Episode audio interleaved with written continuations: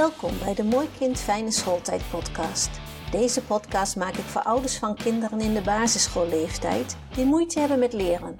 Dit kan ontstaan omdat je kind de taal van school niet begrijpt of school begrijpt de leerwijze van je kind niet goed, maar dit kan ook andere oorzaken hebben. Wil je als ouders voorkomen dat je kind vastloopt of het zelfvertrouwen verliest? Ga je bij de eerste signalen gelijk op zoek naar begeleiding omdat je denkt in mogelijkheden?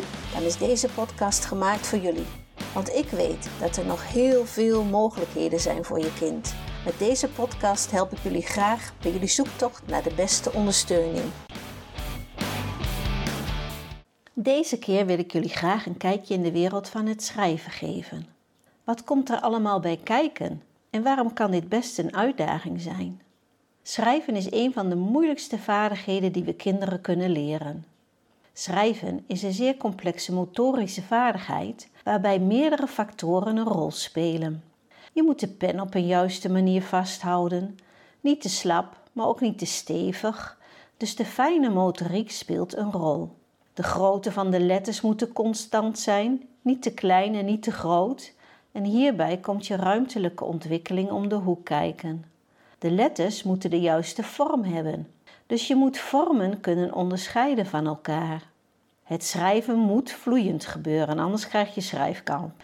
Dan komen de fysiomotorische vaardigheden, de grove motoriek en de richtingsontwikkeling er ook nog bij.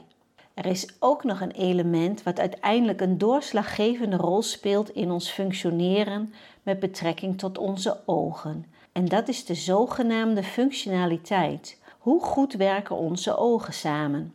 Die samenwerking bepaalt namelijk het verschil tussen kijken en zien. Iedereen met gezonde ogen kijkt, maar sommigen zien meer dan anderen. Hoe komt dat nu?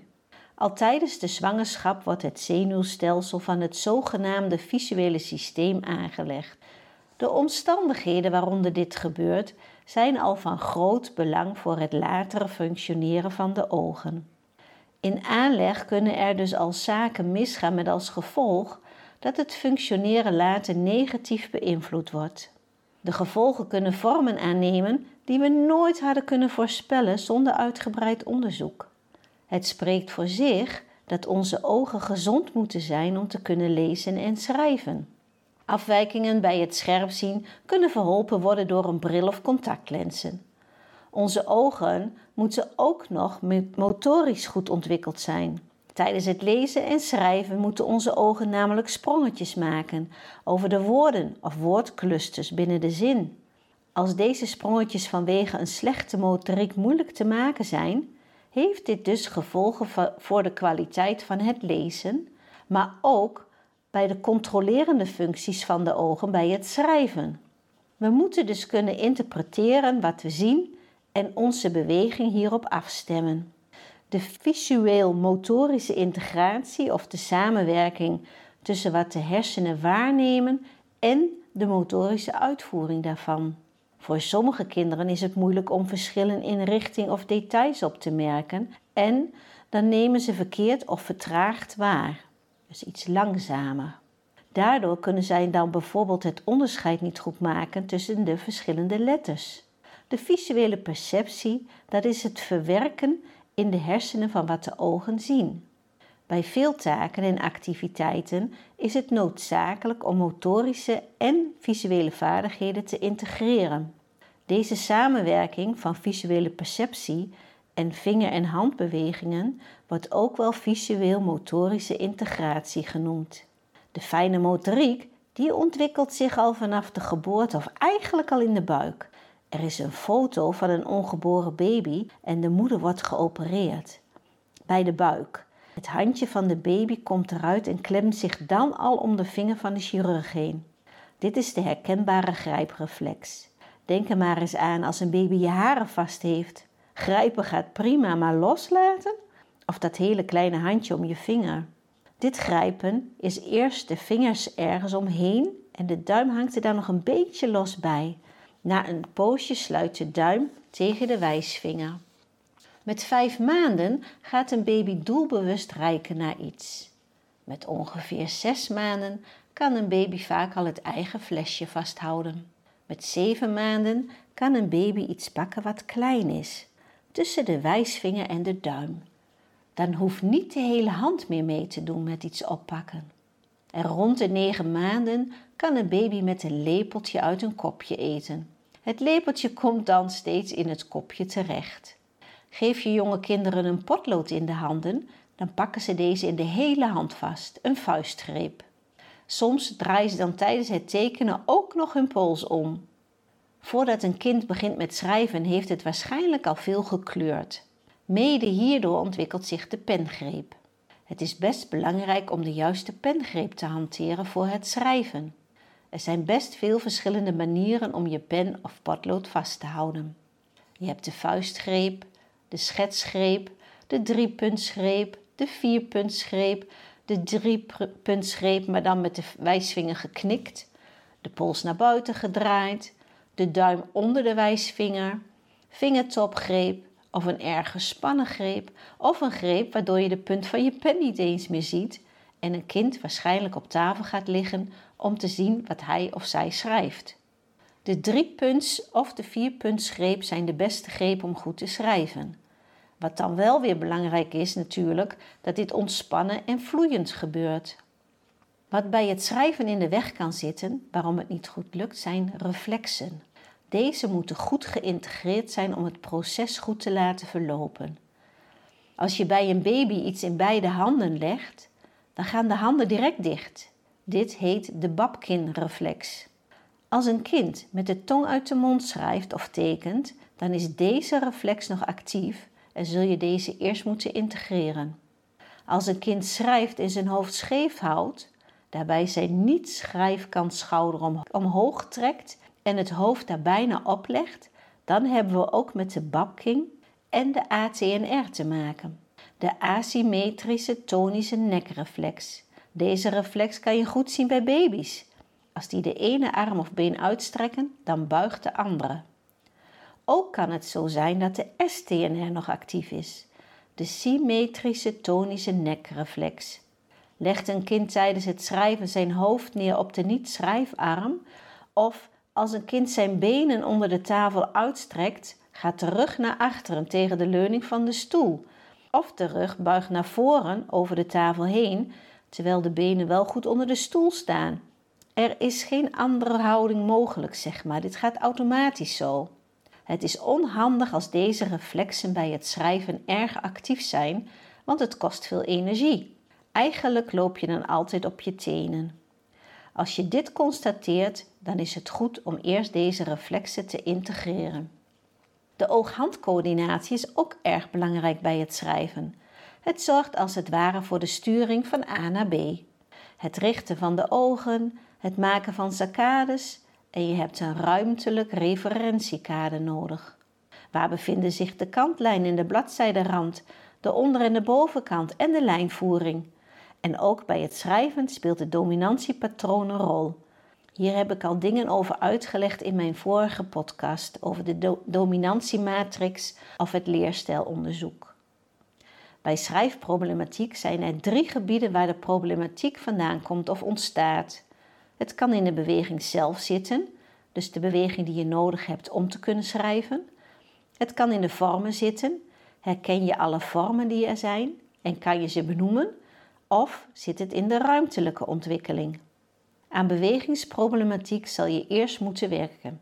Vaak voorkomende oorzaken van bewegingsproblematiek zijn onzekerheid met betrekking van de vorm van een letter, de oog-handcoördinatie werkt nog niet goed, de oogmotoriek en de volgbewegingen is nog niet goed, te veel of te weinig spierspanning, accommodatieproblemen, de lichaamshouding is nog niet goed, zeg maar de schrijfhouding of de pengreep. En als laatste, een kind heeft een richtingsvoorkeur. Richtingsvoorkeur wordt bijna nooit onderzocht of betrokken bij schrijfproblemen. Toch is dit een van de belangrijkste oorzaken van schrijfproblemen. Je richtingsvoorkeur is namelijk gekoppeld aan je breinvoorkeur. Wat ook van invloed is op het schrijven zijn problemen met bewegen op zich. Kinderen kunnen motorisch wat onhandig zijn of ze bewegen zich houterig. Ze verliezen regelmatig hun evenwicht en laten veelvuldig dingen uit hun handen vallen of vallen zelf regelmatig. Deze kinderen kunnen angstig zijn om te bewegen. Ze vermijden het liefst bewegingsspelletjes en hebben ook weinig plezier aan bewegen. Als deze problemen opgelost zijn, kun je pas de vormen in gaan slijpen. De vormen kun je inoefenen door deze te laten voelen, te laten zien en te benoemen. Je kunt hier zelf vormen voor maken. Het vormgeheugen kun je trainen en automatiseren. Je kunt hiervoor ook voel- en tastkaarten gebruiken. Deze kan je inzetten als kinderen een onduidelijk handschrift hebben, een verkeerde pengreep of zwakke hand- en vingerspieren hebben, of bij hele langzame schrijvers. In het begin, als je een jong kind een tekening laat maken, dan staat vaak alles door elkaar en alles kan ook. Een huis in de wolken of papa heel groot getekend. Ergens verandert dit en gebruikt een kind de onderkant van het papier voor bijvoorbeeld de bloemen en het gras. Boven de bloemen vliegt een bij en helemaal bovenaan tekent het opeens de zon. Deze ontwikkeling is belangrijk voor het gebruik van de bladruimte bij het schrijven. Je begint het schrijven dan ook op een leeg blad, na een poosje met alleen een kantlijn en daarna met lijnen. In groep 1 ligt de nadruk nog niet op het leren schrijven van letters. In deze fase ontwikkelt je kind vooral de fijne motoriek. Er wordt in de klas dan ook volop getekend en geknutseld. Ook het werken met bijvoorbeeld een kralenplank is een belangrijke oefening voor het ontwikkelen van de fijne motoriek. Je kind gebruikt dan zijn vingers om kleine kraaltjes op de juiste plek te leggen. De nadruk ligt dus nog niet zozeer op het correct kunnen schrijven van de letters, maar meer op de bewustwording van het feit dat letters, woorden en zinnen betekenis hebben voor jezelf en de ander. Daarnaast ligt vooral de nadruk op het ontwikkelen van de fijne motoriek. Tekenen, knutselen en werken met ontwikkelingsmateriaal is dus belangrijk. In groep 2 neemt het leren schrijven van letters al wat meer vorm aan. Maar ook in deze fase is het vooral belangrijk dat je kind begrijpt waar letters voor bedoeld zijn en dat de fijne motoriek zich steeds beter ontwikkelt. Vaak zijn kinderen in groep 2 al in staat om hun eigen naam boven een zelfgemaakte tekening te zetten. Je ziet je kind strepen maken die lijken op herkenbare letters, maar meestal lijkt dit nog meer op tekenen dan op echt vloeiende letters schrijven. Dat is geen enkel probleem. Het echt leren schrijven van de letters komt pas in groep 3 aan de orde. Als je kind in groep 3 zit van de basisschool, is leren schrijven een belangrijk onderdeel van de dag. Elke dag wordt er geoefend met het correct leren schrijven van de letters en uiteraard ook de cijfers. De vorm wordt belangrijk, net als het kunnen schrijven tussen de lijnen. De werkboekjes die je kind hiervoor gebruikt, hebben in het begin vaak nog grote afstanden tussen de lijnen, omdat de fijne motoriek nog niet altijd even sterk ontwikkeld is. Ook staan er hulplijnen in het schrift, zodat je kind weet hoe lang een lus van bijvoorbeeld de letter J moet zijn, of tot hoe hoog het stokje van de letter H geschreven moet worden. Behalve letters schrijven, leert je kind ook de leestekens schrijven, zoals het uitroepteken, het vraagteken en de komma. Waar moet je kind eigenlijk allemaal op letten tijdens de schrijfles? Het moet letten op rechtop zitten met de rug een klein beetje gebogen, de stoel netjes aangeschoven, beide voeten staan stevig op de grond, houd een beetje ruimte over tussen de tafel en je buik, er moet de vuist tussen passen. Het hoofd mag iets gebogen, maar niet te dicht met de neus op het papier. De ellebogen een beetje naar buiten gebogen. Het potlood een beetje losjes in je hand. Niet te stevig vastpakken, want dan krijg je kramp van in je vingers. De niet schrijvende hand houdt het blad of schrift vast. Het blad of schrift ligt een beetje schuin op je tafel. Om een goed handschrift in groep 3 te ontwikkelen, is het belangrijk dat de leerkracht regelmatig ontspanningsoefeningen doet, waarbij ook de motoriek aandacht krijgt. Deze oefeningen zijn zo leuk dat je ze thuis ook rustig met je kind kunt doen. Ontspanningsoefeningen voor een goed handschrift en een goede motoriek. Ga rechtop staan en maak grote cirkels met je armen. Vier keer naar voren en vier keer naar achteren. Pak een potlood aan de onderkant met je duim, wijs en middelvinger vast. Klim naar boven tot je bij de potloodpunt bent. Klap met je handen voor je buik en dan achter je rug. Doe dit tien keer. Maak van je handen een vuist en doe hem weer open. Doe dit een paar keer achter elkaar. Ga zitten aan een tafel en houd je handen plat op de tafel. Draai je handen nu rustig om en weer terug. Doe dit een paar keer met beide handen tegelijk. Probeer daarna eens of het je lukt om met de ene hand op de handpalm te beginnen en de andere hand op de rug. En draai dan tegelijk om en om. Je kunt ook de handweef doen. Beweeg met je duimtop vanaf de pinktop langs alle vingers. Dit gaat in een soort golfbeweging. Dan strek je de vingers en je duim en begin je vanaf de wijsvinger. En dan ga je terug naar de pinktop. Je kan ook een klein blaadje doormidden scheuren en in beide handen er tegelijk een propje van maken. En dan vouw je ze weer open, scheurt ze weer doormidden en gaat dan weer met het nog kleinere blaadje weer een propje maken met beide handen. Schrijven heeft dus een positief effect op de ontwikkeling van zowel de grote als de kleine motoriek. Op de ogen, de hersenen, de nek, de spieren in de vingers, alles moet met elkaar samenwerken. Dit was een inkijkje in het proces van het leren schrijven en de ontwikkeling ervan. Ik hoop dat het wat inzicht heeft gegeven en dat er meer begrip is ontstaan voor het mooie proces van leren en leren schrijven. Tot de volgende podcast. Bedankt voor het luisteren naar deze podcast. Wil je meer Mooi Kind Fijne Schooltijd podcasts beluisteren? Abonneer je dan op deze podcast. Luister je via Spotify, klik dan op volgen en op het belletje, dan krijg je een bericht als de volgende podcast er is. Vertel ook anderen over deze podcast. Heb je aanvullingen, ideeën of tips, dan hoor ik dit graag. Je kan met me in contact komen via Instagram of LinkedIn. Een mail sturen kan ook.